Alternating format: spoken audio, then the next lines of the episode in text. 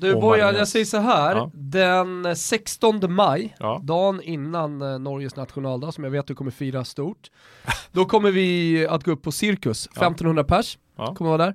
Vi hade ju Oscarsteatern nu, Ja, jag vet. med... med Erik berätta. Ja, exakt. Niva. Ja, nej, det, var, det, var, det var tokigt. Men eh, vi brukar ju inte berätta vilka gäster vi har, men har du lust att komma? Absolut. Det var 16 16 maj. 16 ja, maj. Det är lite långt fram men ja, vi Ja, kan, se- vi men kan se. kan, Ja, det det redan nu, det är ju så här brinnande, säsongen Vad är det på för- väg att ta vad är det för slut. dag? Du är ju en bokad man. Vad är det för dag? Det är en fredag, lördag någonstans där. En fredag, lördag? Ja. Ja. det där kan vara lite Ja, och intressant. så kör vi lite fest efter och sådär. Får, Kan vi man får ju se om publiken går mer i taket för Bojan än för Niva. Nej den här är svår. Den är Nej, svår. jag Jag, har min gruppering också, det är inte bara ni som har sekt. Jag har en liten sekt kvar. Jag har lite. Inget slår Niva sekt. Ja men det är bra, ni som lyssnar hörni, 16 maj, Cirkus, köp biljetter, då kommer Bojan och besöker oss. Bland annat, det kommer bli en jävla show. Eh, nu drar vi igång Toto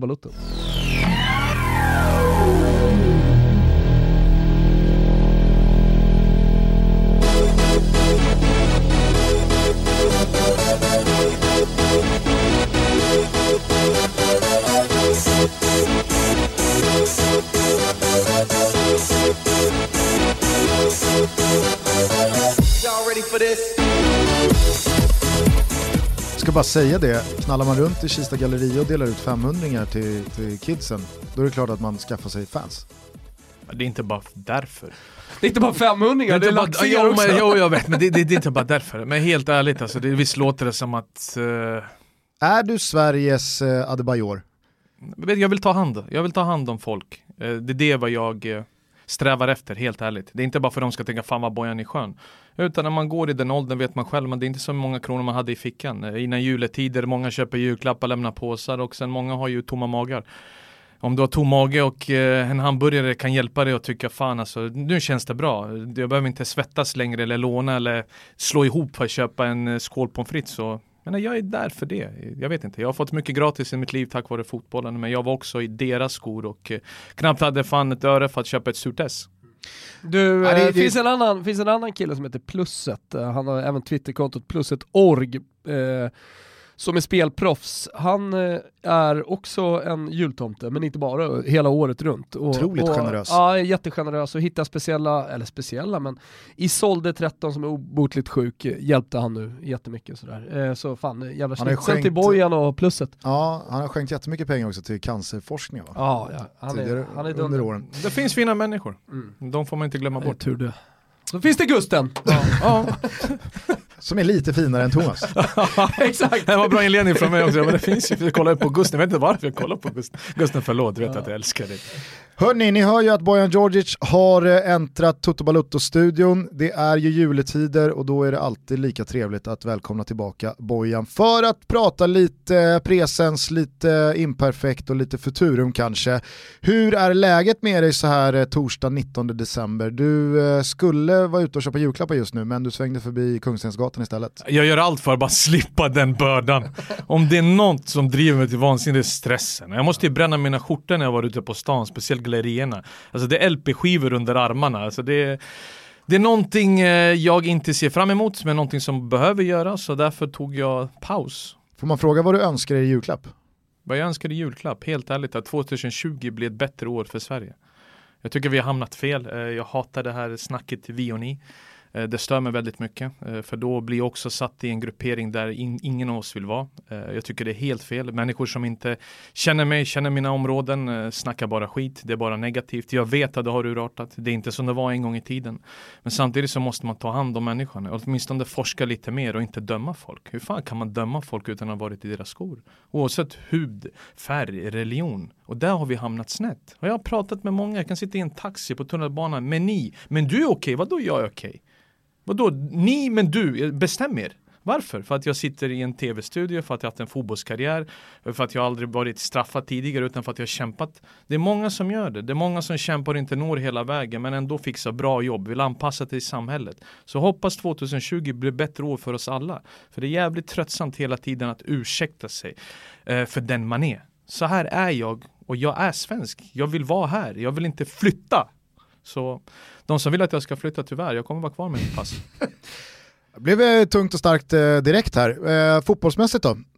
Vad ser du fram emot? Vad, vad, hade du helst velat få under granen? Jag frågade ju Bojan precis innan här vad han skulle göra i jul. Jobba, ja Premier League rullar ju på, eller hur? Men jag, kan, jag kallar inte det jobb, helt ärligt, det är hobby. Alltså jag älskar fotboll fortfarande så pass mycket så att jag brinner för varje gång. Jag kan gå och jobba en Southampton West Ham match där folk tänker oh det är inte det är osexigt, det är, det är inte charmigt det här. Men jag brinner för det. För jag får se fotboll, jag får prata om fotboll, diskutera.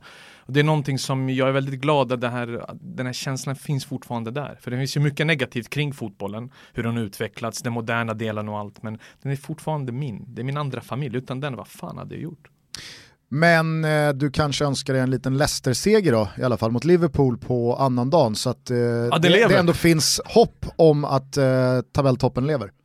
Ja, så, såklart det gör det. Alltså för oss neutrala, det snackar ju inte bara för att jag är United-supporter och Liverpool-supporter tänker din jävel, nu vill du bara att folk ska komma ikapp. Nej, bara lite spänning, åtminstone vi kan dividera eller tänka, och kanske de faller, kanske till bananskalet på gång. Ja men i men synnerhet de... när man också jobbar med det, det vet ju du och jag också Thomas, ja. att alltså, för, för att för att väcka liv i en på förhand redan död match, det krävs mycket. Alltså det, det, går, det går sällan. Nej, jag, jag håller med dig. Eh, samtidigt har vi haft det ju med City tidigare, inte förra året, förra året var ju helt fantastiskt. Att den faktiskt lever in i det sista, att vi får prata i studion om Vincent Companys segermål och du vet, ha de här känslorna som neutral. Så klart att det är det man saknar. Sen måste man alltid hitta bataljen nere i botten, runt fjärdeplatsen. Fjärdeplatsen kommer bli riktigt intressant för mm. Chelsea har börjat tappa poäng.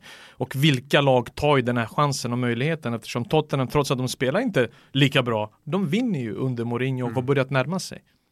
Hörrni, vi ska prata mer eh, Premier League och egentligen eh, nästan uteslutande Premier League med Bojan i ett avsnitt som ni kommer höra på Boxing Days morgon, alltså annandag jul 26 december. Oh.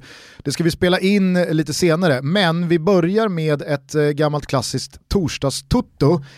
Men eftersom det har varit Midweek och inte minst då El Clasico så tänker du Thomas att eh, vi ska inleda med ett svep, men inte på det klassiska viset att du eller jag läser det. Ja, nej men det var en liten idé som jag hade Bojan. Uh, du har ju hört att vi brukar svepa, nu är det lite liten text sådär och jag har ju skrivit det på mitt sätt som att jag ska läsa upp det, det är ju inte bara liksom... Ja det där kan bli jobbigt. Uh, nu vet man att Kim Wirsén sitter och skruvar på sig. Han kommer ju klippa och sådär, det kommer bli skitbra ja, det hoppas jag, det hoppas jag. Att folk du, vet att du, du som har skrivit det, jag vill inte ta skulden. Du läser det precis som du vill, och det här är dina åsikter om det råkar vara någon åsikt i, om det råkar vara någon svordom i så Det här var ju riktigt lång text. Ja, Kör ni det här svepet? Alltså, det känns, ja, för du pratar ju lika snabbt som jag. Ska vi köra då? ja, kör bara. Vissla igång Kimpa. Vissla. Kör vi Kim! Vintermörkret har dragit in, men har bara lagt sina vita skrud över en liten del av vårt avlånga land. Tur då att vi har fotbollen som ständigt värmer och lyser upp den annars gråa vardagen. Och idag går svepet hela vägen från Doha till Dortmund. Klubblags-VM, detta utskällda och av alla som inte deltar hatade format är igång. Ja, igång och igång. Det är snart slut. Efter att Flamengo gjort processen kort med Al-Hilal gjorde Liverpool debut mot mexikanska Monterrey. Det som på förhand kanske såg ut som en aptitretare inför finalen för engelsmännen blev i själva verket en riktigt, riktigt tuff drabbning. Efter mål av Funes Mori, ja visst, den Funes, Everton, tidigare i Everton och Villarreal. Samt om Nabi Keita avgjorde Bobby Firmino, si senor, på tilläggstid. Finalen spelas på lördag kväll mellan Flamengo och Liverpool. På tal om utskällda format, i den urvattnade, uttråkiga ligacupen, Thomas ord uttråkiga, jag tycker den är ganska charmig då. Carabao Cup, eller vad fan det nu heter, blev det inga skrällar. Liverpool ställde upp med P12-laget mot Villa och dängade såklart dit rejält. Sen vann alla stora på onsdagen. Spänningen blev det bara mellan Everton och Leicester, där Wardy sköt in den avgörande straffen. Vi stänger ligacupen i svepet. Kanske för gott. Men glöm inte United City i semifinal, Thomas. Den glömde du, den glömde du. Ja, det är stängt. Ja, det är stängt. Till Tyskland. Die große Bundesliga. Mäktiga tyska fotbollen, va? Efter Isaks show, efter Kulusevski, ja, det, det är Kulusevski, inte Kulusevski, var det i veckan dags för Quaison show. Trippeletta, äkta hattrick och helvete vad Stockholmsgrabbarna flyger hörni. Och det är på tiden att vi faktiskt flyger. Men det är inte bara Quaison i Bundesliga. Det var kanske framförallt toppmötet mellan Dortmund och Leipzig. Vilket jävla omgång på festvallen. Vilken fart, vilken energi, vilken målshow. 3-3 till slut och jag tror fan pulsen är kvar runt 170 på Nag Nagelsmann. Jag bara Nagelsmann. Nagelsmann fortfarande. härliga, fina tyska fotbollen. I ett stort stop i Katalonien konstaterar vi bara att det blev mållöst El Clasico. Eller El Derby de la Politica som det blev. Ja, den sämre El Clasicos faktiskt jag, Bojan, har sett på senare år. Vi avslutar i Italien där Ronaldo flög 69 centimeter över Morons huvud och stod för ett episkt nickmål. Ja, det där var helt sjukt. Jag aldrig kommer att glömma. Jävla class act han är Cristiano. Och frågan är om han inte börjar värva upp ordentligt nu ändå. Och trots det målet så är fortfarande Lionel Messi världens bästa fotbollsspelare. Bojans ord. Nej, det var mina. Just det, Brescia mötte Sassuolo i en uppskjuten match och från den finns bara ett par saker att säga. 78 minuter, mållös. Utbytt mot fucking Alessandro Matti, Matri. Fucking Alessandro Matri. Fucking är inte mina ord. Macke cazzo! Jebenti matter, vaffanculo, porca Putana! Det är dags att vakna Super Mario, Balotelli! Larm om, du lever. Framtid som eh, ljudboksuppläsare tror jag banne mig. Ja, det, det där var tufft. Det, var det är roligt. Alltså jag, eh, när jag skrev slutet så, så hade jag liksom 78 minuter, mållös, utbyt mot fucking Alessandro Mato. Ma che cazzo jämem ti matre, vad fan culo porca puttana! Det är dags att varva upp Super Mario Balotelli! Larma om du lever! Det finns svep och sen finns det svep. Det är en adekvat Mycket fråga. bra, Bojan. ja, mycket bra, men det är också en adekvat fråga uh, huruvida Balotelli egentligen lever. Börjar till och med du svikta i din övertygelse om att vi har en till storhetsperiod i Jag, oss? jag, jag, jag, jag, står fast, jag står vid hans sida och jag står fast vid att det kommer fan en vår till för Mario Balotelli. Nej, jag, Ja, jag jag fick lugna ner det här svepet lite för jag kunde höra Thomas röst i mitt huvud. Var det- var och det min din- röst slogs med hans röst. Den 22-åriga Bojan ville också vara Thomas, men sen blev 37-åriga Var det din Bojan. inre Wilbacher vi hörde där? Ja, det var... För det det kändes var, som att du gick in lite i karaktär. Ja, det var, det var lite en blandning faktiskt. Det var lite bland... mycket ja, bra, det mycket var bra. lite en blandning. Eh, jag tycker du fick med mycket bra i svepet. Eh, det knöt sig lite i magen när Quaison eh, gjorde sitt hattrick, för då tänkte jag på alla de eh, Malmö-supportrar som har hört av sig till oss i dagarna. Eftersom vi i måndags inte valde att snacka speciellt mycket om deras seger mot FCK och således gruppseger i Europa League, tillika avancemang, Det måste Eh, du... tidigare torsdagen. Vi hade spelat in på torsdagen för vi fick möjligheten, eller egentligen den enda luckan eh, vi kunde, att spela in med Niva på fredagen, så då fick det bli torsdagstutto, så spelade vi in på fredagen. Således så hamnade ju den här Malmö-FCK-matchen i liksom en lucka. Och sen så går det några dagar och på måndagen, hur hett är det att prata om att Malmö har slagit FCK? Men då ringer vi ändå upp Pontus Jansson, men då tänker vi att liksom tränarfrågan, det är väl det som liksom man pratar Ni mest om. missade Malmö Nej men vi missade FCK. inte, utan det, det är väl så här, Jag förstår dem, jag hade också, jag hade sånt också mejlat in från Skåne. vilken jävla liksom, chockvåg av upprörda MFF-supportrar som då kräver att så här, hur fan kan ni Ja glömma men det är helt Malmö rätt, jag, jag är som Bojan, visst, jag står på deras sida, men låt oss eh, ge Malmö lite upprättelse då. Nej men De det skulle allt- då komma Ja. till var, när Quaison då gör hattricks, så kände jag i magen, nej, nej, nej, nu får de ännu Men mer sen- vatten på sin kvarn för nu ska vi sitta med Bojan och prata om Quaisons Ja. hattrick i en ligalunksmatch med Mainz. Det, det får tydligen speltid, men inte Malmö FFs gruppseger i, i Europa Vi tar oss tillbaka till Ja, parken fråga bara för en vecka sedan. En fråga bara. Äkta hattrick. Då måste man göra första, andra och tredje målet. Ett äkta hattrick, om vi bara ska säga Vänster, höger, nick. Nej, vänster, höger och nick, det har ingenting med saken att Nej, göra. det är första, andra, tredje. Tre raka mål i en och samma halvlek. Ingen Det emellan. är kompromiss. Det, Alltså, det, det, det, är- kommer ju ett mål emellan. Jag vet, således håller inte jag med om att det är ett äkta hattrick. Nej, det är ett det- äkta det jag är tre raka mål i samma halvlek. Jag vill inte bara få skit av arga supportrar och säga Bojan du läste upp äkta. Det var Thomas. Jag tänkte bara det var ett mål Men emellan. du är väl inte första, någon andra, som håller på med fjanterier att det ska vara en med vänstern, en med högern och en med huvudet. Det hade varit läckert. Fast det är ju ba- det är, vilket Jag jävla inte med dig. pajaseri Nej, det är. jag, jag förstår dig. Men Det du är vet ju själv, det är fotboll, det är folk, folk har sina åsikter, det spelar ingen roll om du säger rätt saker, de vill ändå att du ska ha fel. Eller tvärtom. Det är det som är charmen med det hela. Ibland blir jag också väldigt upprörd beroende på vilken sida jag har vaknat på morgonen. Men det är ändå härligt att det finns någonting att diskutera när man har en tråkig vardag. Men får jag då ta oss tillbaka till parken, torsdags förra veckan. Hur upplevde du Malmös avancemang då Bojan? Helt ärligt, trots eh, rivaliteten klubben emellan mellan AIK och Malmö. eh, Jag har spelat själv med Markus Rosenberg i det svenska landslaget U21 eh, när han kom igenom där. Jag kollade på matchen för att jag ville att han skulle få ett avslut som var värdigt likt han fick när de slog Kiev, när han fick avgöra den. Och att han får lämna parken som en vinnare. Att han tar Malmö vidare i Europa och sen sätter sig på sin barnstol, barstol och kollar när de möter Wolfsburg. Han förtjänar det. Han är en sån som kille som du älskar att hata ifall han inte är ditt eget lag. Han kom tillbaka och tog oss med storm. Det är inte många som lämnar utlandskarriär, kommer till Sverige och är sådär tongivande. Det är inte bara att han var okej, okay, han var bra. Han var ledande, både på plan och utanför. Och den kärleken verkligen förtjänar han. Och AIK, göteborgare, det spelar ingen roll var du är. Jag tror att de onda innerst inne respekterar det han har gjort. För man önskar man hade sådana spelare i sina egna klubbar. Och han är en fin jävla kille utanför. Och, och matchen i sig och avancemanget i sig är ju historiskt inte ofta svenska lag tar sig vidare från gruppspel. Vinner dessutom gruppen, man hänger ut den stora drulen och verkligen visar liksom att man är bäst i, i Skandinavien.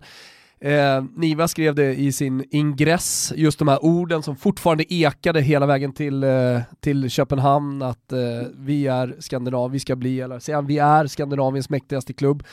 Som en passning till Zlatan, som eh, nämnde det när han eh, köpte in sig eh, i Hammarby. Det var hur Mackan skrev det på ett, jag tror Instagram med Twitter-inlägg där, han avslutade. Ja, ja och, och jag menar, fan, att, att man åker, gör den insatsen, att man avslutar Europa League med två stycken vinster sådär. Det, det... Men det är inte vilken, vilken vinst som helst. Exakt. Ett svenskt klubblag slår Dynamo Kiev hemma. Dynamo Kiev som hade spelat ut Malmö under den första halvleken. Man tänkte det kommer till växel. Men så gör man mål i rätt lägen. Men sen åker man till parken. Och inte bara att man försvarade bra, man inte släppte till tillräckligt mycket med lägen. Men fan, allsvenskan avslutades för två år sedan känns det som. Mm. Och ändå väntar du på de här stora matcherna. Du tränar bara. Du tappar ju lite intensitet. Och sen ska du upp riktig nivå som du inte har i allsvenskan utan du ska möta två riktigt bra lag. Och en av de lagen, FCK, var ju bara straffar ifrån för att ta sig vidare till Champions League. Då man föll mot Röda Stjärnan, då man var bättre faktiskt på parken. Röda Stjärnan hade flyt. Dinamo Kiev, så många unga talangfulla spelare. Det var en njutning att se dem mot Malmö eh, första halvtimmen och man tänkte hur kommer det här gå? Hur kommer det här gå? Och ändå så klarar man av det, att komma tillbaka och ta sex poäng avslutande två omgångarna. Nej, jag, jag var imponerad. Är det var du... jobbigt, men jag var imponerad. Jag tänkte på Maribor, jag tänkte AIK ni med. Jag tänkte jävla Maribor kom och slog oss. Och nu slår de Dynamo Kiev. Man går man gör ja, men Om man sätter det i ett historiskt perspektiv också. Jag menar, vi får ju gå tillbaka till Ja, Östersund tog sig vidare och det, det var ju också historiskt. Om man tar bort Östersund, Moskva. ett svenskt lag tog sig vidare. Moskva. Eh, ja. AIK, mm. Ivan Torinas mm. insats borta när han typ räddade 32 frilägen och eh, Kari Kari löpte sig loss och Lorentzon gjorde mål i slutet. Say hello to a new era of mental health care. Cerebral is here to help you achieve your mental wellness goals with professional therapy and medication management support. 100% online. You'll experience the all new Cerebral way, an innovative approach to mental wellness designed around you. You'll get a personalized treatment plan from a therapist, prescriber, or both in a safe and judgment free space. Your cerebral therapist or prescriber will outline a customized plan with clear milestones along the way so you can get to feeling your best. With Cerebral, you're not alone in your mental health journey. We're here to empower you to live a fulfilling life. So take that first step towards a brighter future and sign up today at cerebral.com slash podcast and use code ACasts to get 15% off your first month. Offer only valid on monthly plans. Other exclusions may apply. Offer ends July 31st, 2024. See site for details. Hey, I'm Ryan Reynolds. At Mint Mobile, we like to do the opposite of what Big Wireless does. They charge you a lot we charge you a little. So naturally, when they announced they'd be raising their prices due to inflation, we decided to deflate our prices due to not hating you. That's right. We're cutting the price of Mint Unlimited from $30 a month to just $15 a month. Give it a try at mintmobile.com slash switch. $45 upfront for three months plus taxes and fees. Promote for new customers for limited time. Unlimited more than 40 gigabytes per month. Slows. Full terms at mintmobile.com. Så, men det, det är någonting, vi är inte bortskämda med det precis, därför hatar jag när ja, svenska klubbar säger Vi pratar lite om så moderna fotbollen, vart, vart den är på väg, att de stora ligorna hela tiden tar kliv eh, och det blir tufft för lag, till exempel då från Skandinavien, med mindre ligor att liksom hänga med och att ta sig vidare. Eh, nu kommer det ett eh, liksom Europa League B och, och introduceras om några år. Och, och du är ju pepp. Ja, jag är superpepp. Ja, men så, det, Europa League Conference. Det, det, det, Det kommer bli är som svårare, engelska liksom. conference. Det Det är är vad det svårare och bli. svårare för svenska lag, men liksom att Malmö hänger med där skulle jag ändå vilja sätta i ett historiskt perspektiv som en av de liksom, ja, men mäktigaste eh, gruppspelsprestationerna om man ser totalt sett eh, som man har ja, sett i modern tid. Jag instämmer bara. Man får ändå säga att Malmö är i en speciell situation för att det, det, det borde ju rimligtvis efter en sån här gruppseger och avancemang in i nästa runda vara klang och jubel och klackarna i taket och alla mår superbra. Men nu står man här, dels utan huvudtränare och dels då utan sin lagkapten eh, och kanske bästa spelare.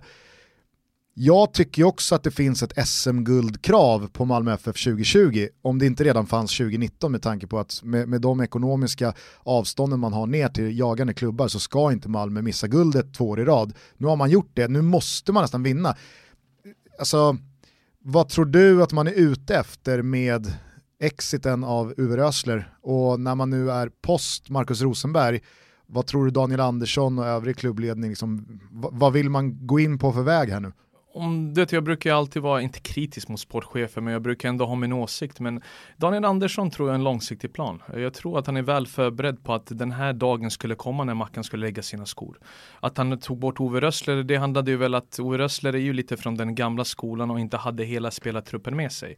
Eh, det som höll honom kvar, tror jag, när jag tänker igenom det lite så här fotbollsmässigt när man själv är i omklädningsrummet, det är väl att han hade kanske Markus Rosenberg eh, på sin sida. Att de äldre som ändå hade en stor röst behöll honom kvar. För de gjorde det väldigt, väldigt bra. Eh, De var, de var svårslagna, inte bara när de var djupa utan omställningsspelet. Han gjorde väldigt mycket rätt, men samtidigt blir det ohållbart över en period där när man skär sig med så pass många. Den här karisman, eh, kanske intervjuerna, karisman på träningsplan, hur man tilltalar folk, det har ju förändrats väldigt mycket. Så det är inte bara kunskap du behöver ha, du behöver också ha en känsla mot spelargruppen och inte bara ta hand om de bästa, utan alla måste Albin- vara delaktiga. Al- Albin Ekdal pratade om det nyligen, när Di Francesco fick sparken Mm. från Sampdoria. Han sa det, fan sista månad, han var bara sur hela tiden. Alltså det var tråkigt att komma till träningen, det var bara liksom mungiporna ner, så fort man slog bort en passning så var han bara lack och det påverkade så jävla mycket liksom, hur vi som grupp presterade sen under matcherna. Sen var ju Ponne inne på det i måndags också, att Rösler var mycket, men han var ju framförallt så pass resultatinriktad att han sket ju i att ge de unga egna produkterna chansen och att se framåt och tänka på Malmö FFs bästa nästa år, eller nästnästa år och om tre, fyra år. Utan ser man till eh, Ove Östlers startelva han ställde upp i många matcher, det var bästa möjliga lag, men också då nästan äldsta möjliga lag varje match. Ponne nämnde den här kuppmatchen de spelade, där det var 16 av 18 i, matchtruppen var liksom, nej, det, var, det var ordinarie spelare. Att inte ens en sån match lufta, vad har vi för 17, 18, 19-åringar som är på gång inåt?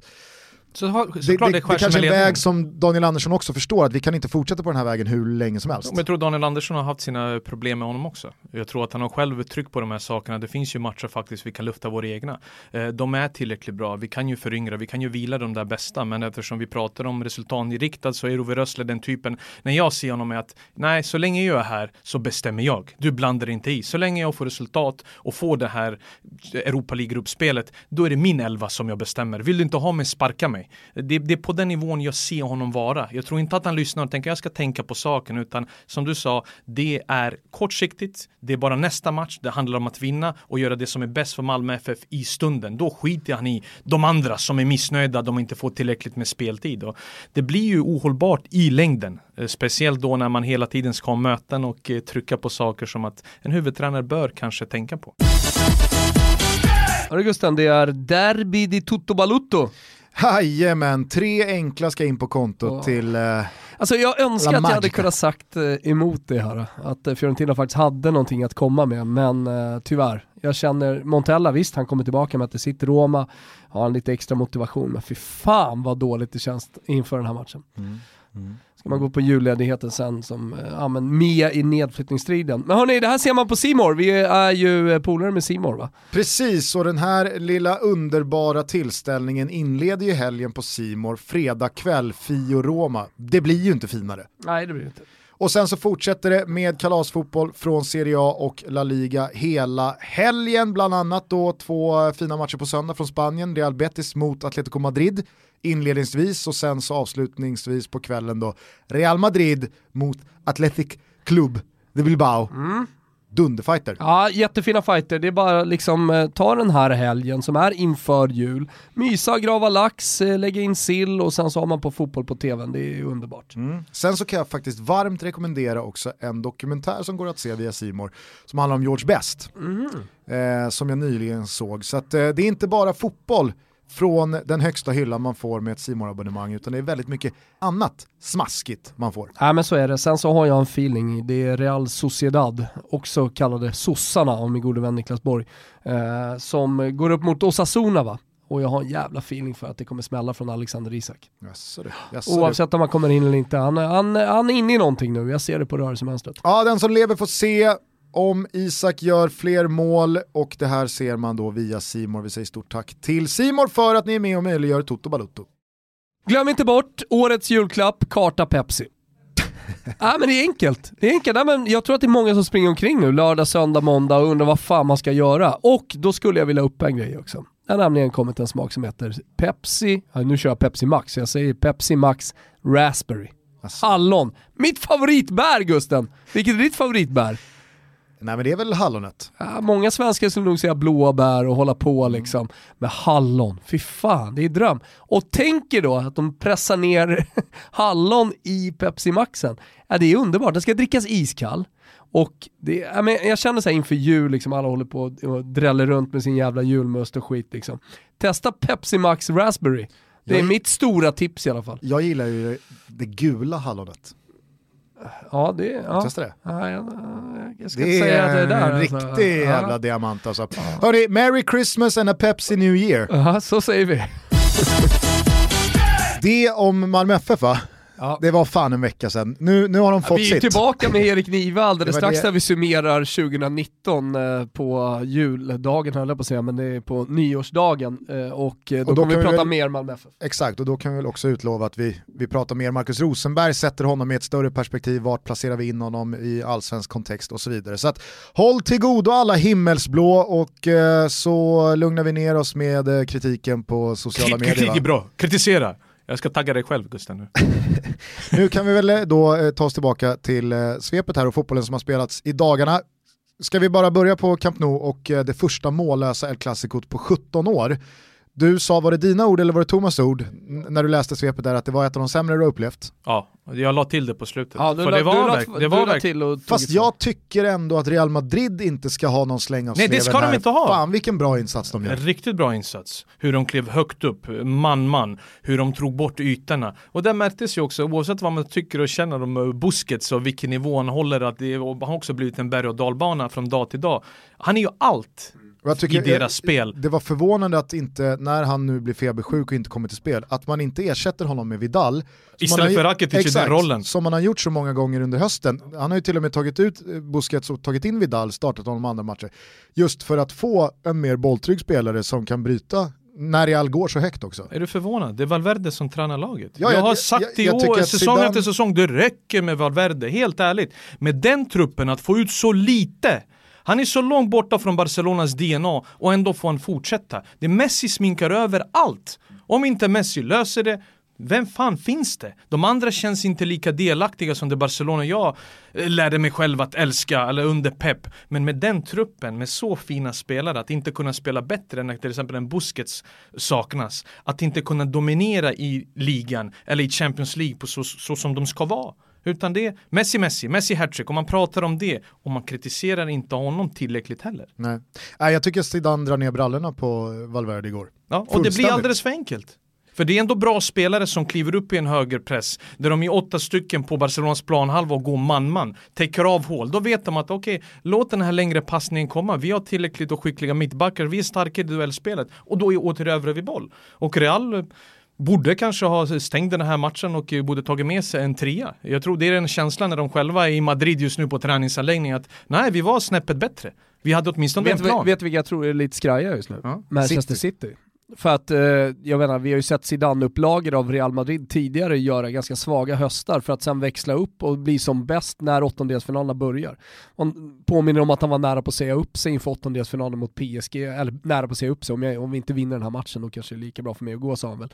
Och, och uh, nu ser vi någonting liknande. Och så har vi januari, ett januarifönster, jag vet inte vad som ska hända, om det behöver hända någonting då, men vi har ändå ett januarifönster liksom. Nej, de har verkligen skärpt sig. Det är många spelare som har tagit sig själva, som har kommit kommit upp i jämnare prestationer, de spelar mer som ett lag. Sen finns det folk du kan alltid slänga eller starta med. Rodrigo, Vinicius Junior, det finns ju folk som bryter mönstret hela tiden. Det som jag är mest glad för, att Benzema fyller väl eh, 32 idag när vi spelar in det här. Han har varit deras bästa spelare under säsongen. Han är det här eh, monstret som jag har saknat. Alla vet ju vilken spets, vilken höjd han har. Men ibland har han sett lite själlös ut i vissa säsonger, fått den här kritiken som har hämmat honom. Nu tar han emot bollar, fördelar bollar, gör mål. Och det är så viktigt att ha den här nian i balans. Och det ska också Zidane eloge för, för det har varit hans spelare. Det är ja, han har hittat har honom igen. Han har hittat sig själv igen, för, för Benzema är sån som behöver kärlek. Mm. Han behöver känna sig viktig. Att det är ingen här som ska komma och ersätta mig. De pratar ju varje sommar, vilka nia ska komma in, vilka nia som ska komma in. Han är en av de bästa vi har just nu. Den här ja, och så värvar de Luka Jovic eh, som, eh, ja, får sitta på steg. Det ja, det är ju också ett, kanske ett för stort steg, det håller jag med om. Men, men det var ändå väldigt mycket snack om honom. Han får inte gå sönder. Nej men alltså det, det, är väl, det är väl också fullt rimligt att vissa spelare gynnas av att en så stor del av Real Madrids lag som Ronaldo ändå var försvinner. Vissa eh, tappar av det. Vissa, vissa mår väldigt bra av att spela i samma lag som Cristiano Ronaldo. Alltså kolla på Marcelo till exempel.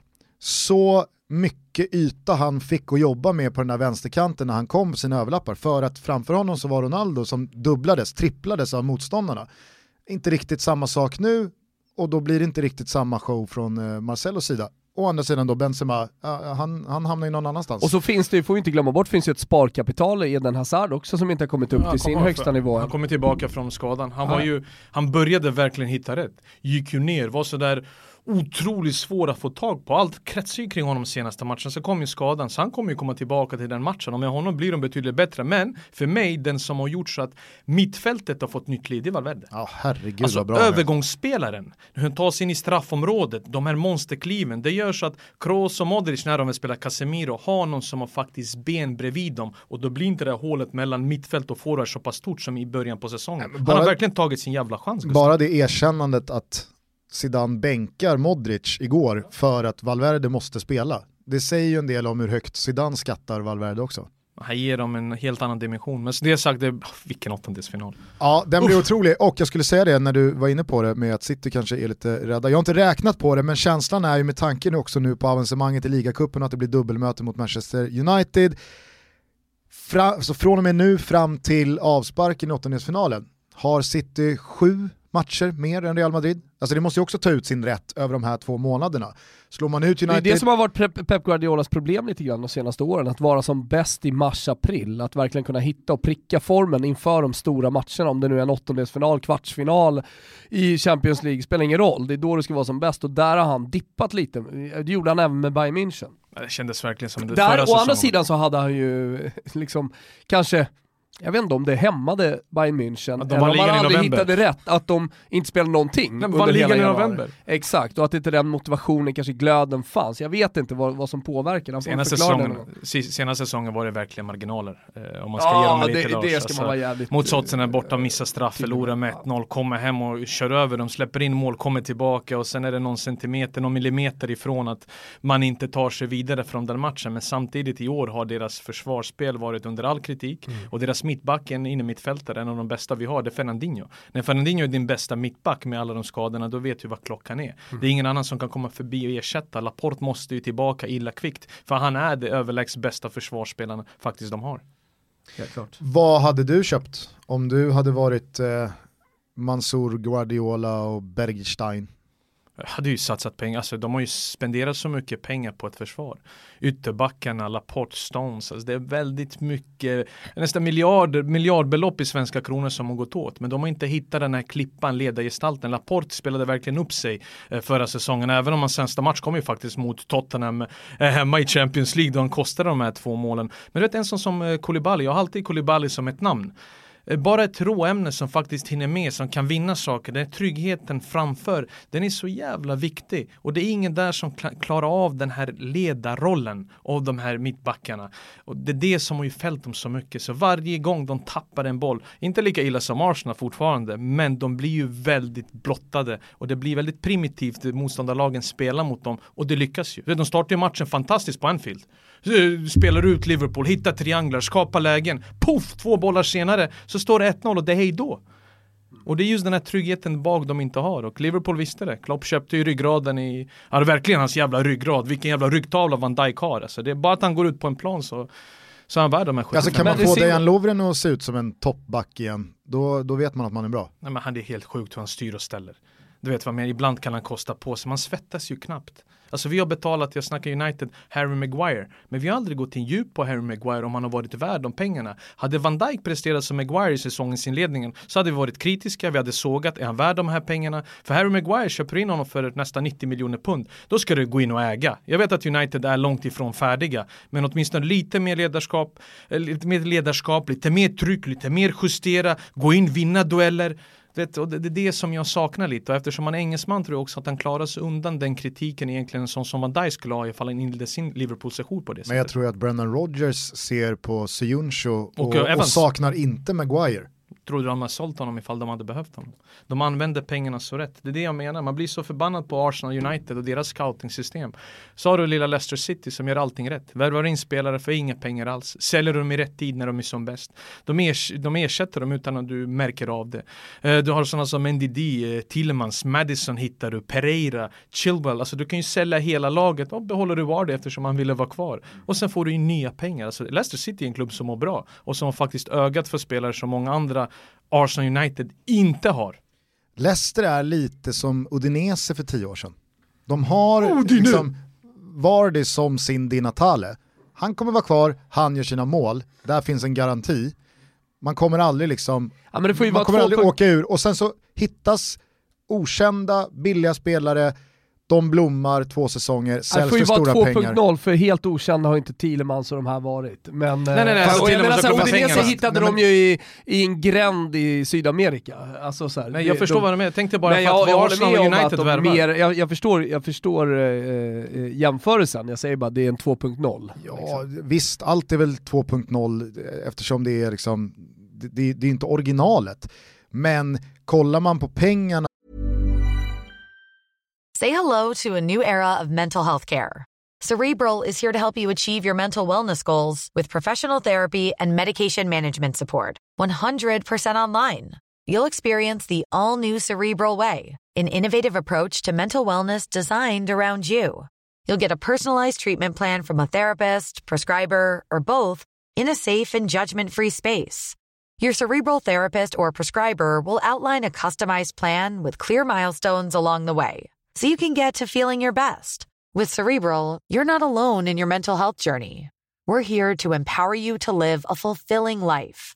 So take that first step towards a brighter future and sign up today at cerebral.com slash podcast and use code ACasts to get 15% off your first month. Offer only valid on monthly plans. Other exclusions may apply. Offer ends July 31st, 2024. See site for details. Hey, I'm Ryan Reynolds. Recently, I asked Mint Mobile's legal team if big wireless companies are allowed to raise prices due to inflation. They said yes. And then when I asked if raising prices technically violates those onerous two year contracts, they said, What the f are you talking about, you insane Hollywood ass?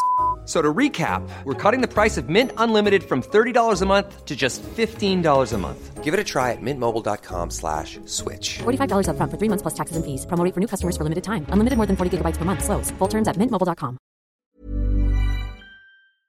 En Premier League-klubb som Leicester har lagt på spelarna som Bojan precis räknade upp och hur man ser ut som ett lag men med den stommen man har som inte ska någonstans. Alltså, Schmeichel ska ingenstans, Johnny Evans, han är där tills han lägger av. Schmeichel och Evans, det är ju sådana spelare som man verkligen, drömmen att ha i ett lag som Leicester, som inte ska, som du säger, ska någonstans, utan de ska vara kvar för då storklubbarna, större än Leicester, eh, en klubb som kan ha potential att bli mer framgångsrik och dessutom då kunna betala samma lön. Eh, jag menar, ja, ingen, ingen tar ju Schmeichel. Nej men det är, själv, det är självbilden det, också. De, de är drömmen alltså. Du är ju tillbaka på Schmeichel nu ja. alltså. Schmeichel? Ja. Vad ska jag säga då? Schmeichel. Vadå K? Det är CH. Ja. Var får du K ifrån? Nej, men Var får du K vi, ifrån? vi diskuterade det här förut. Är det italienska Nej, du pratar men om? eh, jag tror att han själv säger väl Schmeichel. Grabbar, ni har en Ja, gäst. säger Ni har en fel. gäst. Då säger han fel. Ni har en gäst Alltså, du kan grabbar. ju inte- Grabbar, du- Ingen du kan problem, det är jul, det är jul. tysk- Jag kan vet inte- att alla är stressade Du inför får fan inte julhandeln. ha ett tyskt namn och stava med CH och säga K. Nej, nu får vi vakna Får säga det till Peter. Ja. Men det är självbilden. Alltså stora, storklubbarna som alltså, Arsenal United fortfarande är, stora varumärken. De tänker ju mer ligatitel än ta nästa steg och bli fyra. Alltså ta sig in till Champions League. Och därav panikvärvningarna. Det är det jag menar med Leicester, även om Tillemans vet vi om Monaco. Det är inte så små pengar de köpte honom heller loss, eller Leicester samma sak. Men de hittade honom. De hittade i Madison i Norwich. De hittade NDD. Det är sådana spelare som tar din klubb till nästa steg. Och när du har tagit nästa steget in till Champions League, som där United och Arsenal ska vara, därifrån så kan du värva och snacka om världsklass toppspelare. För toppspelarna nu tänker, nej det är storklubbar, hey, men den här storklubben mår inte bra för tillfället, då tar jag mig någon annanstans. Men visst har Madison ett kliv till i sig? 100% att James Ja, Madison har det. Daniel Farke gjorde allt för honom när han var i Norwich. Gav honom den här möjligheten, den här fria rollen och han, han, han dominerar ju. Det är inte bara att man överdriver för att han är engelsman utan det är ett nöje för mig att se honom spela. Touchen, ytorna, eh, spelförståelsen. Han har ett kliv till. Fan, nu ser jag för första gången att du är lite lik Farke. Ja lite. Ja, Har du fått det? Ja, jag har fått de här eh, lika som bär. Ah, okay. Lika som bär. Jag måste få in Farke där någonstans. Eh, hörni, vi, vi kommer nog prata mer om Udinese 2.0 i eh, Boxing Day-avsnittet här. Så att låt oss ta oss tillbaka bara till Spanien kort. Är det rättvist mot Valverde att ge honom så här mycket kritik? Man leder ligan, man eh, är ett haveri ifrån en Champions League-final i våras, man har pissat hem två raka ligatitlar under hans ledning. Jag är helt säker på att hade man dessutom tagit sig till den där finalen så hade man vunnit Copa del Rey-finalen av bara farten. Alltså, och, och jag kan ibland tänka så här, jo men det är Messi som sminkar över allting. Fast nu har ju Barca Messi och de har Ter Stegen i mål. Varför kan inte de också då bara få prestera på sitt yttersta och bidra till lagets Ja, framgångar? men jag tror att det handlar, allting handlar om förväntningar och det handlar om förutsättningar. Alltså vad, vad har Barca för, för förutsättningar? Vad har man för förväntningar på Barcelona? Där är, liksom, det får ju alla, alla svara på själva. Eh, Men eh, med den truppen, med de värvningarna som, som man har gjort, eh, om man nu pratar om eh, förutsättningar, med de pengarna som man har spenderat under de här senaste åren, så, så tycker jag såklart att man kan förvänta sig att Barca spelar en annan typ av fotboll. Och speciellt om det är så här från klubben kommer, att, att man vill spela på ett visst sätt, man vill dominera matcher på ett visst sätt. Om man då inte gör det, ja men då, då, är, då är det fritt fram att kritisera tycker jag. Och sen så är inte, alltså Barcelona är Barcelona, City City och Leicester Leicester, alltså man måste göra skillnad på lag. Alltså Barcelona kan man inte bara krit Alltså så här, man kan inte bara förvänta sig poäng av sådana stora klubbar, utan man kan, man kan faktiskt också förvänta sig någonting mer. Jag funderade i Gustensbanan också när han pratade just om de här ligatitlarna, men jag, där faller det den, på, för mig i alla fall, då tänker jag, okej du hade den kvällen i Rom. Mm. Det, det var gulkort för mig, när man tappade den ledningen, när Roma slog ut Barca. Och sen kommer det ännu större haveri, när du möter ett Liverpool utan deras två bästa spelare. Det är bara Mané var för med från start, även Robertson saknades, så tre spelare som gör skillnad. Och ändå så faller du totalt ihop på Anfield. En match där du ska bara ha en som transportsträcka in till finalen. Där ett- borde han fått sparken, De för mig! Ja, för ja. jag, de, de ambitionerna har jag på det laget. Sen har du ju de Jong, Artur som har varit utanför. Alltså du är klasspelare bredvid Busquets och sen Rakitic som truppspelare, inte startspelare för han har också dippat men användes som du sa igår fel. Han ska inte spela i den rollen. Eh, du gör inte honom, du gör mer skada än nytta att ge honom den möjligheten att vara där, styra och ställa. Alltså Griezmann, Suarez, Messi. Du ska ju spela betydligt bättre. För Barca det är inte bara poäng för mig. Du ska inte vifta med de här vita näsdukarna trots att du leder ligan. Och jag känner ett missnöje från- från Barca-supporterna, även Camp Nou, att de är inte tillfreds med vad de ser, även när de vinner matcher. Det är den känslan jag har Gusten, om du förstår. Ja, nej, men och sen så är det ju precis som Thomas också var inne på att Barca är Barca, City City, Leicester Leicester. Alltså vissa klubbar har ju heller inte råd att bara ta poäng eller bara vinna titlar utan det ska se ut på ett visst sätt också. Och som ni är inne på, det är inte försvarbart kanske att spela den fotbollen man gör när man har spenderat så mycket pengar som man har gjort och man har den truppen man har. Ser man till den här, alltså så här man, i slutändan så dansar man sig vidare från höstens tuffaste Champions League-grupp. Man, behöver inte, man kan åka och förlora mot Inter i sista matchen för man har ändå klara gruppsegrar. Men då är det ju insatser där det är helt otroligt att Dortmund inte slår Barca i, i första matchen i Tyskland.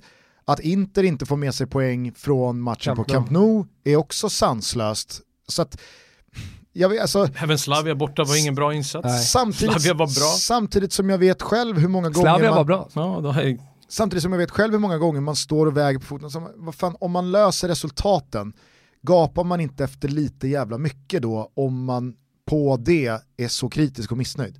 jag är fortfarande missnöjd, jag gapar jävligt mycket. Men det är just de här, det är de här två matcherna som jag alltid på min näthinna. Du vet när jag tänker på Barcelona och Valverde, jag tänker bara på Rom och Anfield. Det är de två matcherna. Jävla legacy. alltså. Jo men, ja, men, men du vet vad jag menar, det är en transportsträcka till någonstans, till drömmen. Det är inte ligan med tanke på Real Madrids Champions League-segrar sena, sena, senare åren. Okej, inte i år, men innan dess. Det är det vad Barcelona tänker på. Real Madrid vinner Champions League, vi vinner ligan. Det är inte bra nog. Vi ska vara med där uppe och tävla. Och sen bygger du ihop Sen någonting. finns, det ju, sen finns det ju någonting också med att Real Madrid vann tre stycken Champions League och att Barcelona har vunnit många titlar. I Italien kallar man Juventus för Gobbi, man blir kutryggad för man har vunnit så mycket. Och man blir kanske lite omotiverad att vinna ett, ett till ligaguld. Alltså man, man, man blickar ändå mot eh, Champions League och tänker det var ett tag sedan nu. Eh, och jag är helt övertygad om att det påverkar också hur fansen ser på, eh, på laget och deras Ja. prestationer. Eh, och att en ligatitel kanske inte riktigt räcker till. Återigen, det är olika typer av klubbar, man har olika ingångsvärden när man ser på dem. Men när det gäller Barcelona, då tror jag att det är läge att göra någonting i Champions League nu. Annars, eh, ja, det, det är där man sätts på prov ordentligt, för att i ligan ska man vinna de här matcherna oavsett vilken, vilken eh, coach man har. Och sen så inledde man ju faktiskt säsongen dåligt i ligan också. Man spelade inte, man spelade inte bra, man förlorade matcher mot lag som man inte ska förlora mot. Så att menar, det ligger ju också kvar lite även om man är där uppe i toppen. Sen så är jag den första att skriva under på, det, det pratade vi om i, i, i våras här också, att man borde nog ha tackat Valverde eh, för två säsonger, två ligaguld men inte så mycket mer efter exiten mot Liverpool. För jag, jag, jag förstår faktiskt inte varför man, varför man satsade vidare på honom och vad man trodde skulle hända. Alltså, han hade ju fått två säsonger på sig. Och att slarva bort det läget, först mot Roma, sen mot Liverpool, ja, det, vi har kanske kommit till vägs ände. Vi får se vad som händer med Pochettino nu, det är mycket rykten och han ska dit och han ska dit. Eh, Han, han borde i alla fall bollas upp som ett eh, ämne för eh, Barcelona. Då får han äta upp sina ord så jag kommer aldrig Jag träna Barcelona eftersom jag är en spanjolman. jag. Ja. Man ska aldrig uttala sig på det sättet. De, man gräver alltid upp de här citaten från 89. Alltså han, han, han har 14 taxichaufförer emot sig när han kommer till Barca. Ja men det är en sak när det kommer till Barca eller Real, och, eller Roma Lazio, eller Espanyol Celtic. Rangers. Men, men varför, liksom, varför stänga dörren till Barcelona för att skydda ditt arv Vi, i Espanyol? vi har ju i den moderna fotbollen sett onödigt. värre kryp till kors alltså. Det har vi gjort än att han skulle då börja träna Barcelona. Fjärde advent innebär en ny adventstrippel hos Betsson. Du och jag har synat utbudet under Nej, nej. sön... Jag vet saker. Jo, fast vi har väl börjat med att syna utbudet. Ja men det gick jävligt, jävligt snabbt. Ja. Du har landat i eh, en första seger på väldigt länge för Napoli och nya tränare Gattuso. Ja, det är nästan uppe i 1,70 om man kollar på singeloddset på att de vinner över Sassuolo borta. Jag är helt säker på att de vinner den här matchen. Okej, det är fortfarande, kan torska och så vidare. Men nej, alltså jag känner så jävla starkt för att Napoli tar den här segern. Mm, jag eh, känner också för den här tvåan, väldigt mycket också för att Sassuolo har sprungit ganska bra mot slutet och Exakt. bankat några poäng så de har ju råd att Precis. torska den här matchen. Och det, det är Och en det har klubb inte som funkar, ja, men alltså, så här, det ligger lite i deras DNA också, att den där torsken kommer. Så att, eh, ja, det, det, det finns absolut en, en, en bra anledning att spela Napoli. Och vi har dem i trippen, och vi har inte bara dem i trippen, vi tror på Manchester United också eftersom Bojan är Nej, men inte bara därför. Nej, absolut inte bara därför. Jag tycker att United har växlat upp sista tiden. Nu möter man jumbon på bortaplan och även fast man har Nigel Pearson som ny tränare och säkert gör ett rejält försök här att få fart på grejerna så tror jag att det kommer passa United jävligt bra. Ett Watford som kliver och går före, det kommer United kontra sönder med Rashford och Ja, vi Martial och vet ju det nu. Lingard Vi och vet att de James. älskar den här typen av matcher. Så att eh, rak seger för Manchester United, rak seger också avslutningsvis för Tottenham hemma mot Chelsea. Mourinho gick ju på en tung mina i eh, det förra mötet med sin forna klubb Manchester United. Men han gör inte två gånger nu när han ställs mot Chelsea. Jag Han- ser inte hur Tottenham inte ska göra både ett och två mål i den här Ja, matchen. men alltså Harry Kane i den här matchen. Mm, och, jag, och jag säger bara att så som Chelsea har sett ut försvarsmässigt senaste veckorna, de kommer inte hålla nollan, de kommer inte stanna men han har inte fått insläpp. ordning på det nu inför den här matchen mot Tottenham. Det kan han omöjligt ha fått. och gör Tottenham två mål i den här matchen. Ja. Vilket jag förutsätter att de gör med Son i toppslagen, Mm. utvilad Harry Kane som har varit och bastubadat Ah. i Finland, Ah. Dele Alli i gammalt gott slag, Lukas Mora som gör drömmål på Pirrar i drömmål. här alltså. Det är klart att Tottenham löser två mål i den här matchen. Gör de det, då torskar de inte, då tappar de inte poäng. Rak seger, Tottenham mot Chelsea. Godbitar, boostade odds, Betsson.com. Det är bara att gå in och rygga hörni. 148 kronor och så hashtagga Toto-trippen. Det är där vi är. Yes! Stort tack till Betsson för att ni är med och möjliggör Toto Balutto. Ja, eh, många kanske då blev förvånade att veckans match inte blev då El Clasico eh, som slutade 0-0 med eh, mersmak för Real Madrid och inte minst då Zinedine Zidane, utan att den istället hittades på Westfallen, eller Signal Iduna Park, Borussia Dortmund mot Leipzig. Såg du matchen? Ja det gjorde jag. Alltså jag ser allt som går att se på. Eh, Samtidigt så... Men hur följer du den tyska fotbollen? För det är många Jag som... måste rätta dig Gusten, det heter Westfalen. Westfalen. Inte, inte, alltså med, dubb- med ST, eh, inte Westfalen. Westfallen. Ja, tack. Ska Westfalen. bara säga det. ST bist, bara om det inleder ett ord. Så, fortsätt. Du, du är nu. Men du kommer att... Du, du är nu. Låt Stackars Michael Gusten med få- Du har mig inte liksom. köpt julklapparna. Kommer stackars Michael med mig, liksom. Det är, nå- Fast det är det, var, det, som var, har ju- hänt. det var ingen mästrande rättande ton, jag frågade med bara. Du, med mig. du är tillbaks på... Mest ton hit, ton dit. Fortsätt nu. Ja, ja, där var du inte sympatisk. Nej, Han har Eh, inte köpt julklapparna Gusten. Det är ju många som påstår sig följa Bundesliga men som egentligen inte gör det. Eh, hur, hur ligger du Nej, men till det- där? Eh, jag tillhör den skaran som faktiskt eh, ser mer än vad jag eh, borde göra med tanke på att man är hela tiden upptagen med Premier League och Champions League. Jag ser det mest såklart man vill följa våra svenskar som vi har i Bundesliga och samtidigt är den fotbollen väldigt rolig att se på när man bara sätter sig ner i soffan utan att tänka för mycket. De här taktiska bitarna ibland som man är så Uh, vet, man är så det- detaljerad i, ja de står inte rätt utan det blåses på. Man vill vinna matcher för att man har ett bättre lag, man vill ha, spela ett offensivt spel. Och jag har alltid haft svårt för Red Bull-klubbarna, det har jag, både i Österrike och i Tyskland. Men den matchen var väldigt, väldigt rolig att se på. Jag förstår ju folk eh, med hjärtat i halsgropen efter den här galna avslutningen. Sen vill man att det ska gå bra för Nagelsmann. Eh, jag tycker det, där är en tränare som man ska ta på allvar. Inte bara för att man är ung, för att man ska ta bort de här neandertalarna, utan han har ett steg till och han har en stor klubb i sig där han kommer underrätta storverk. Det tror jag. Jag tyckte eh, Sergio Ramos efter El Clasico igår sa, alltså han förklarade matchen väldigt bra, att det här är två lag som har så stor respekt för varandra och vi vet att de här matcherna avgörs ofta på det första stora misstaget. Då får ett lag ledningen och därifrån är det väldigt svårt att ja, men bli av med ledningen och inte vinna matcherna.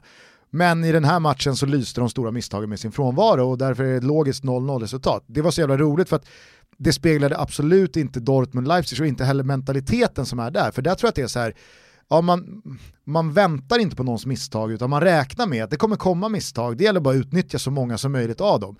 Jag, jag, jag tycker att alltså, de två snabba målen som Timo Werner gör, det är exakt samma jävla slarvfel och stroke i misstagsväg från Dortmund-defensiven. Men det sker, liksom, det sker flera efter det också. För att det är så, här, så här går det till, det gäller bara att vi Kolla utnyttjar när Leipzig gör eh, sina misstag. Kolla bara på resultaten i Bundesliga. Alltså en sån match som Werder Bremen Mainz, det är en perfekt praktexempel. Vet, På förhand tänker ska man se det här verkligen 0-0, 1-1 och sen står det 0-4 i halvtid. Och det är just de här försvarsmisstagen, hur man står på de fasta, hur man står mot defensiva omställningar, utan man bara blåser på. Du vet, jag har haft äran kommentera Bayern München Dortmund. Det är samma sak där. Man tänker, ett stormöte, mycket ligger på spel. Nej, man spelar sin typ av fotboll. Man går högt, man blottar sig och sen är ju alltid Bayern ett steg, eller ett nummer större mötena mot Dortmund. Men den är så jämn den här ligatoppen. Så det är inte så att Bayern har redan vunnit ligan. Bayern är efter och Bayern jagar och det gör Herregud, tyska ligan ännu mer väl, intressant. eh, Såg du De löser senast- segern igår i 91. Coutinho går ut i 90 Ja. Ungkillen 18 bast kommer in och sätter 2-1 målet där. Och det, det finns ju de här historierna också. Det är inte bara pengar utan man hittar sina egna där som löser biffen. Men i, i Dortmund sitter vi Jadon Sancho som många pratar om, kommer bli en stor ex tysk export då, fast det blir en eh, återkomst eh, tillbaka till eh, den engelska ligan. Alltså hur hamnar en sån spelare i just Dortmund? Jag förstår ju att det är perfekt miljö och alltså, valet var ju uppenbarligen liksom perfekt. Om det var, då var låst i England i, i, i klubbarna som var intresserade där. Så var ju dörren öppen för honom in till startelvan och han har ju verkligen liksom, tagit ansvaret och, och gjort allt, allt perfekt och utvecklingen har, har varit perfekt. Men, men hur, hur, hur ser du på Jadon Sancho? Liksom?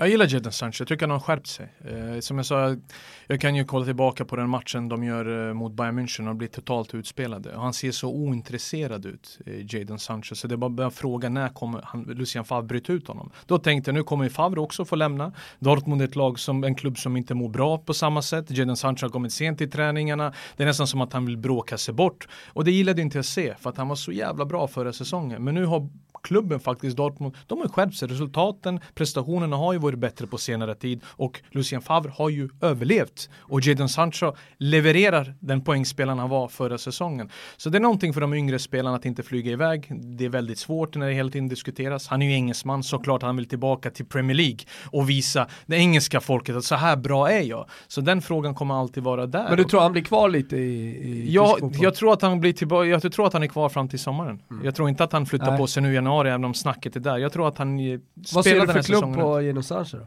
Den är ju väldigt svår. Mm den är ju väldigt svår. Alltså grejen är att Reece Nelson har också varit utlånad i Bundesliga, kommit tillbaka till Arsenal och inte fått spela tillräckligt mycket som man har själv trott. För den steget är ju bra för dem att ta till klubbar i Bundesliga istället för att spela i Championship där de inte kanske hittar rätt med det spelsystemet de är upplärda för. Men Jadon Sancho ska vara i en klubb, ah, vi ska vi prata om... Eh... lag som också är anfallsinriktat så som ja. Dortmund är. De Men är det inte, är det inte liksom ganska givet att City är i pole position? Jag hade, om jag var United, jag hade försökt eh, få loss honom. Jag vet att man värvade in Daniel James eh, på ena kanten, man har där, men uh, Jadon Sancho kan ju lösa väldigt mycket problem och finns det plats för City, den är svår. I City blir det inte mycket speltid. Nej, men å andra sidan så är det väl nu, nu, får vi se vad han kommer tillbaka i förslag efter långtidsskadan här, men Leroy Sané skulle ju gå åt andra hållet, alltså en ung tysk som lämnade för England som skulle tillbaka till Bayern München här i somras men skadade sig med tanke också på att Jadon Sancho och eh, Raheem Sterling är väl typ bästa polare. Eh, öppnas det en lucka där, det kommer en ny era efter Guardiola. Ah, jag, kan ändå, jag kan ändå... Och den eran Guardiola kommer City kunna behålla eller locka till sig samma spelare? Det finns ju det frågetecken också. Jag vet att de är så självklara nu och de är där uppe i toppen år efter år. Men hur blir det efter Guardiola? Det tänker man också som en ung spelare. Kommer den här stommen vara kvar? Kommer City vara fortfarande lika mycket framåt? Finns det andra klubbar som växer? För de här klubbarna som är stora med Podekis, de skulle må bra utav en sån spelare som Jadon Sancho. Där han vet att han kommer få starta sina matcher och inte tänka på okej, okay, men nu har jag Mares, jag har ju Bernardo Silva där ute till höger höger, det är min favoritposition, hur ser det ut där? Vad, vad är det för roll jag kommer få? För när han kommer tillbaka, han ska inte ha en biroll i en film, han ska ha huvudrollen. Han ska utvecklas som han har gjort i Dortmund. Och det där är ju också faran. När man känner att man gjort världens säsong. Man kommer tillbaka, man säger att det här är mitt hem. Och plötsligt så är du inte där längre. Och det tär mentalt för spelarna, Gusten, Thomas. Det vet ni själva. Det tär mentalt. Sätta sig på den bänken igen och tänka, fan jag spelade ju förra året, 60 000 Västfallen. Och sen nu sitter jag här och väntar på min kvart. Väntar på en match kanske i FA-cupen, ligacupen, Champions League. Det där är inte jag. Sådana spelare som är unga behöver få den här utvecklingen och det får du bara genom speltid.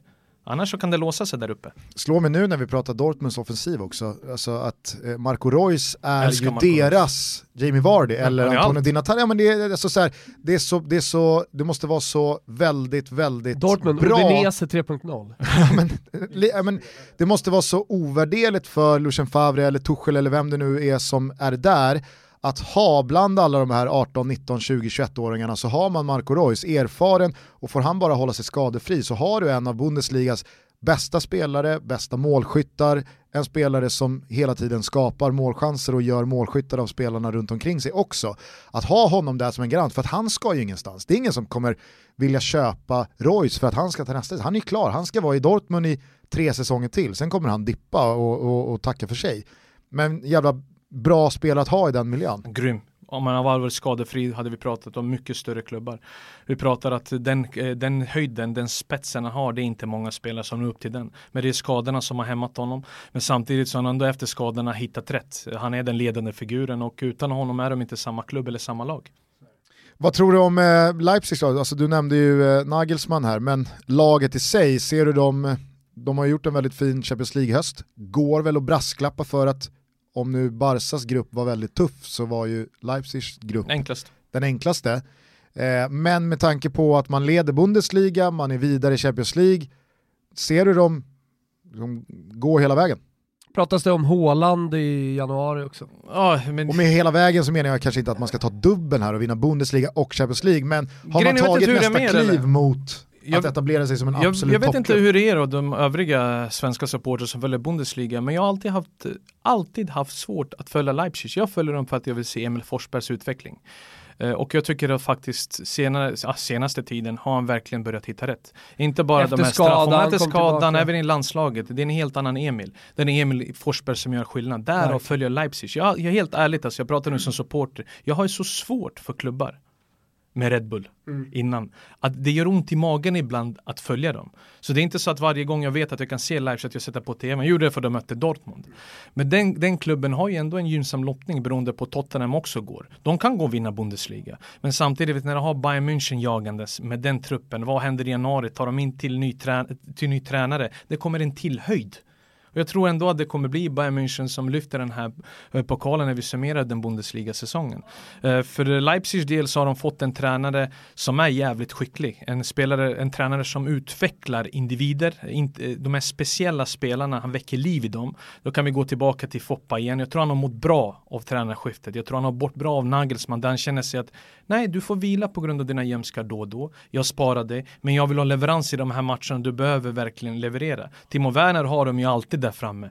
Men Foppa har ju verkligen varit den här länken. Jag hyllar inte honom bara för att han är svensk. Men jag gillar också hur han har svarat tillbaka på kritikerna och hittat rätt i sin egen form, vilket är bra både för svenska landslaget men inte minst för Leipzig. Jag gillar inte riktigt Timo Werner. Mm. Jag, vet, jag vet inte varför, men det är så här, någonting sticker till i mig när, Men han, förut när han gör det bra. kunde vi inte riktigt sätta fingret på Timo Werner och sen så insåg vi att han var väldigt snabb och att det kanske var då var uspen. Men Fast han är inte jättesnabb nej, nej. heller. Att ha lätt löpningar, det är tajmingen. Om du kollar på löpningarna, det är det jag tänker. Jag är också svårt för som spelare som jag inte känner för. Det är inte att han har perfekta touchen, det är inte så att han slår två gubbar, skruvar in den. Utan det är också trockel. Men sen kollar jag på hans löpningar i varje match. Alltså det är sån timing i löpen. Och de kommer hela tiden i rätt läge så det är omöjligt för försvarande lag att hinna med. Han köper sig alltid den lilla extra halvmetern och det är skickligt. Sen förstår jag det, det är ingen som spelar som är bara wow. Men det är en väldigt, väldigt bra spelare just i det här lagbygget som faktiskt gör mål när han behöver. Ja, eh, du, du tror då alltså, om jag eh, förstod det rätt, att de kan vara med och bråka om en Bundesliga-titel, men eh, allt eh, efter eh, åttondelen och Tottenham är bonus. Alltid bonus. Eh, de har gjort det bra i gruppspelet. Jag förväntade mig att de skulle ta den. Man tänker typ till vilka klubbar, även om det är stora klubbar, så är det klubbar på dekis i deras grupp. Men de tar sig vidare. Eh, Tottenham, är beroende på hur de mår fram till våren, är en match som eh, de kan mycket väl vinna över ett dubbelmöte. Sådana stora skillnader är det inte. Såklart att Tottenham har en väldigt skickligare spelare framåt, spelare som är matchvinnare. Men för Leipzig så tror jag att de kan se sina chanser. Just med den här farten, den här höga pressen, den Nagelsmann kan faktiskt spela ett annat typ av fotboll på hemmaplan kontra bortaplan. Han är inte så naiv som hans ålder.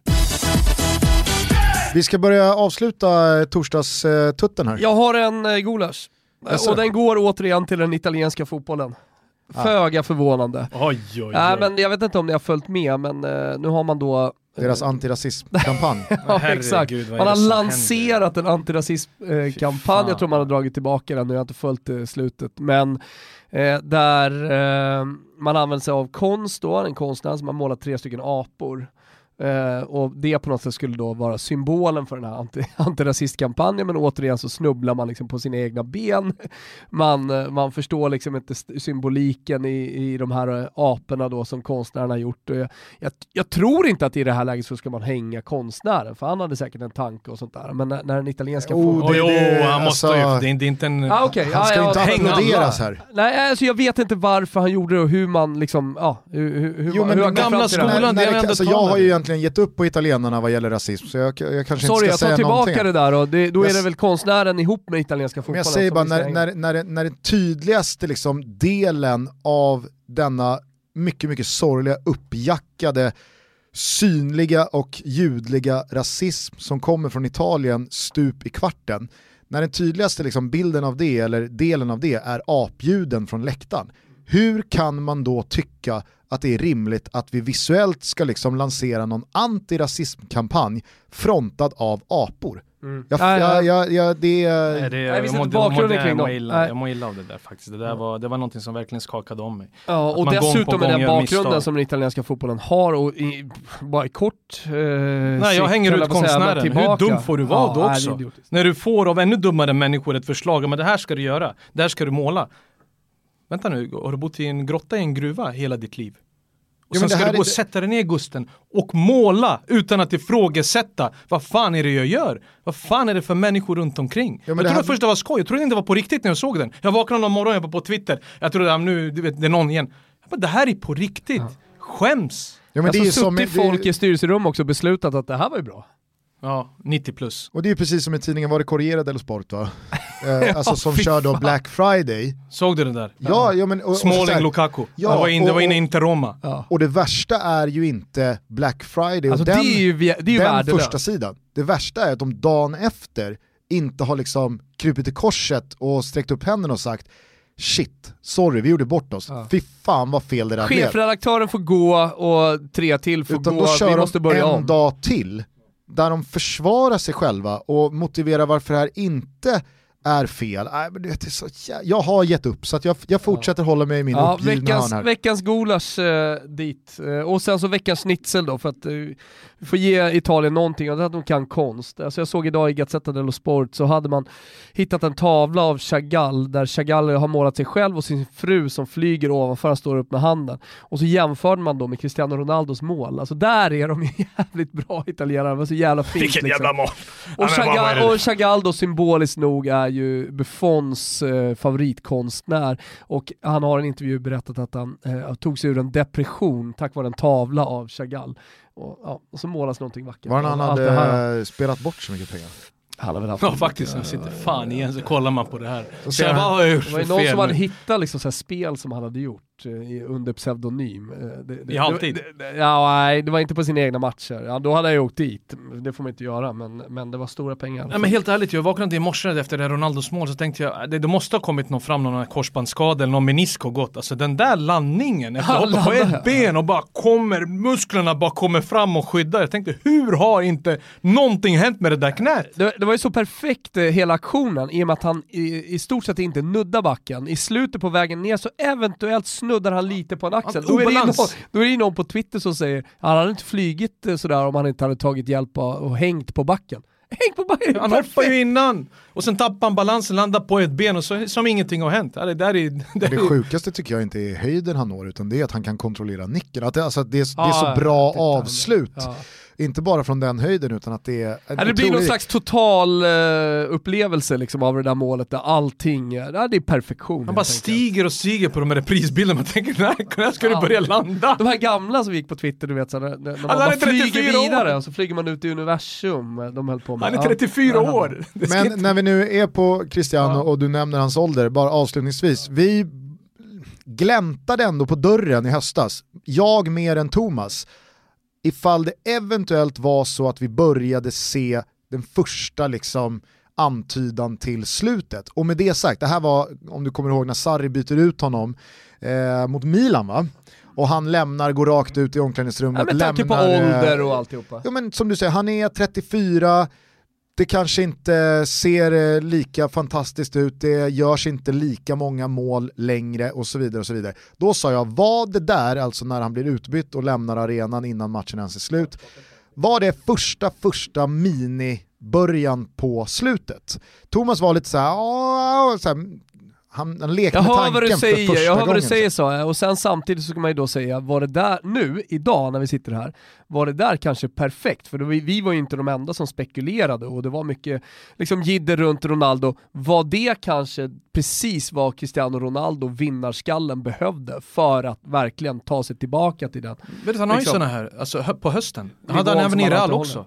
Han hade ju verkligen dipp. Frågade Real Madrid- Real Madrid-supportrarna följt honom. Vissa tänker man, "Ah, är det här? Höstdepression. Och sen kommer Jo, fast, fast när han är 28 eller 29 Ja. under hösten Jo, så jag- jag börjar du inte men- tänka, hmm, är Nej, han men slut? Han hade han är det 28. senaste tiden. Och sen nu är det fem mål i fem raka matcher. Det första gången han lyckades med det i Juventus. Uh, började hitta rätt och det är väldigt viktigt för en sån spelare också att göra mål. För då blir ju självförtroendet annat. För att han tvingade fram många avslut. Tvingade fram mycket lägen för att bara spräcka den här nollan. Honom ska man aldrig räkna bort, men du måste också åtanke att han är 34 år. Eh, det kommer komma en minikris då och då. Men jag tror ändå när sen vi kliver in i våren att Cristiano Ronaldo kommer börja hitta rätt med Juventus och de där tre kommer vara livsfarliga att hålla reda på för de övriga lagen. Jag tror han behöver dåliga höstar nu när han är 34 år för att liksom känna den här lite kritiken som han får. Jag tror också han Nu behövde att Dybala blev allas lilla gullegris några veckor där och det Ja. var han som gjorde målen och Ja. det var han som var liksom... Gjorde han mål igår igen då, Dybala, han är otrolig alltså. Det är min gullegris Juventus. Om jag hade någon hade Han fan- behöver ju, för övrigt om bara stanna på Dybala, han behöver ju leverera över en hel säsong, någon jävla gång. Alltså, han gjorde det i Palermo visserligen, men det var, an, det var en helt annan nivå, det var andra grejer. Fast gjorde han inte 17-18 va? Jo, det, det, jo men det var i Palermo. Nej, alltså i Juventus, Ja, sista säsongen i 17 Juventus Jaha, innan Ronaldo Tror du kom. menar att 17-18 var dålig målskörd? Jo, för det var när han kom att det då som skulle ex- explodera. Och sen var han in och ut. Men samtidigt, Ja, men sen- den, den är spetsen han har. Alltså, Ja. Ibland vissa saker han gör på en, på, en, på en plan, på en gräsmatta. Man tänker, vad är det för jävla idrott Ja, jag har jävla själv i utövat? Alltså, nej, bara, vad är det liksom. för idrott jag själv utövat? Alltså, Det, det är helt sjukt. Den här jävla vänsterfoten, jag brukar säga talar så många språk så att jag inte förstår honom ibland vad han fan håller på med. Han är grym. Nej men sen är han ju faktiskt älskad av Juventus-publiken. Både jag och Bojan var och kollade på Atletico Madrid-Juventus på Friends Arena. Och det var liksom mycket Ronaldo, mycket handlade om Ronaldo. Det var en show, det Mm. var inte fotboll. Det var liksom så här, folk kom dit för att titta på Ronaldo. Men när Dybala kom in, alltså de Juventus-supporterna som var där. Det är kärlek på något annat Ja, sätt. Det är alltså värme. det, man, man, man kände det verkligen och det var under den värsta perioden nästan ska vi säga, liksom, när det var som tyngst och när Juventus mer eller mindre hade deklarerat att han var till försäljning. Och då fick han det av Juventus Sport. Så han har ju verkligen supportrarna med sig också här. Men han, äh, jag, alltså jag, jag ser Dybala, liksom, jag avgör fan en Champions League så kan vi verkligen sätta det bland dem. Den de höjden har han definitivt. Ja, absolut. Som eh, Cristiano, Cristiano Borrell, Christian Borrell sa gällande eh, Leo Messi här nu förra veckan när han vann eh, Ballon d'Or. Kanske skulle ta och vinna ett jävla VM. Sen kan vi börja diskutera. Eh, hörni, vi ska krama ur en eh, Premier League höstsummerande timme ur den här trasan så att vi måste börja avsluta torsdags Fan vad det lät liksom nedvärderande mot avsnittet, det gillar jag inte. Nej, och jag ska jobba den Krama ur 26 trasor också. och allt möjligt. Vi ska ha fett jävla kul här nu och prata Premier League. Ja, det krama ur några jävla trasor. Nej, och, ja, fast det finns väl någonting i det också. Det finns ju någonting i det. Eh, förstår jag det bara rätt? Du tycker inte att en, ens minibörjan på slutet har eh, sett dagens ljus här kring Ronaldo, utan det är fortfarande det är Nej. samma... Jag dömer aldrig bort en, en sån spelare. Speciellt med det han har levererat, det han har presterat och jag vet ju också hur jävla driven han är hela tiden motbevisa sina kritiker, speciellt när han går igenom tuffa perioder. Han är mästare på det där. Det är bara han som tar klivet över den sista linjen. Och det är det jag älskar med Son, att han fortfarande har det här drivet, passionen kvar och sånt ska man aldrig räkna bort. Han, han blir ju bättre av att folk snackar om Dybala, Iguin, får de plats med alla tre. Det är då han växer, det är då han blir den här ledaren på plan. Det han gör utanför, det är hans egen grej, men vi snackar om plan och där har han inte sett slutet än, nej. Gäller samma sak Zlatan? Ja, det är, det är en komplex fråga. Jag tror vi skulle avsluta det här avsnittet. vi kanske ska vill det. inte avsluta, jag skulle inte börja Ah, prata vi Premier. League. Vi ska prata Everton, Ja, vi ska eh, prata Everton. Boxing Day. Då, Eh, Bojan, vad vill du avsluta med för låt? All I want for Christmas. Härligt, Med det är Mariah torsdag. Carey va? Ja, vi kör Mariah Carey. Det var den jag hade. Och ett tips då till Bojan om du ska köpa julklappar, eh, Toto on Tour. Borek.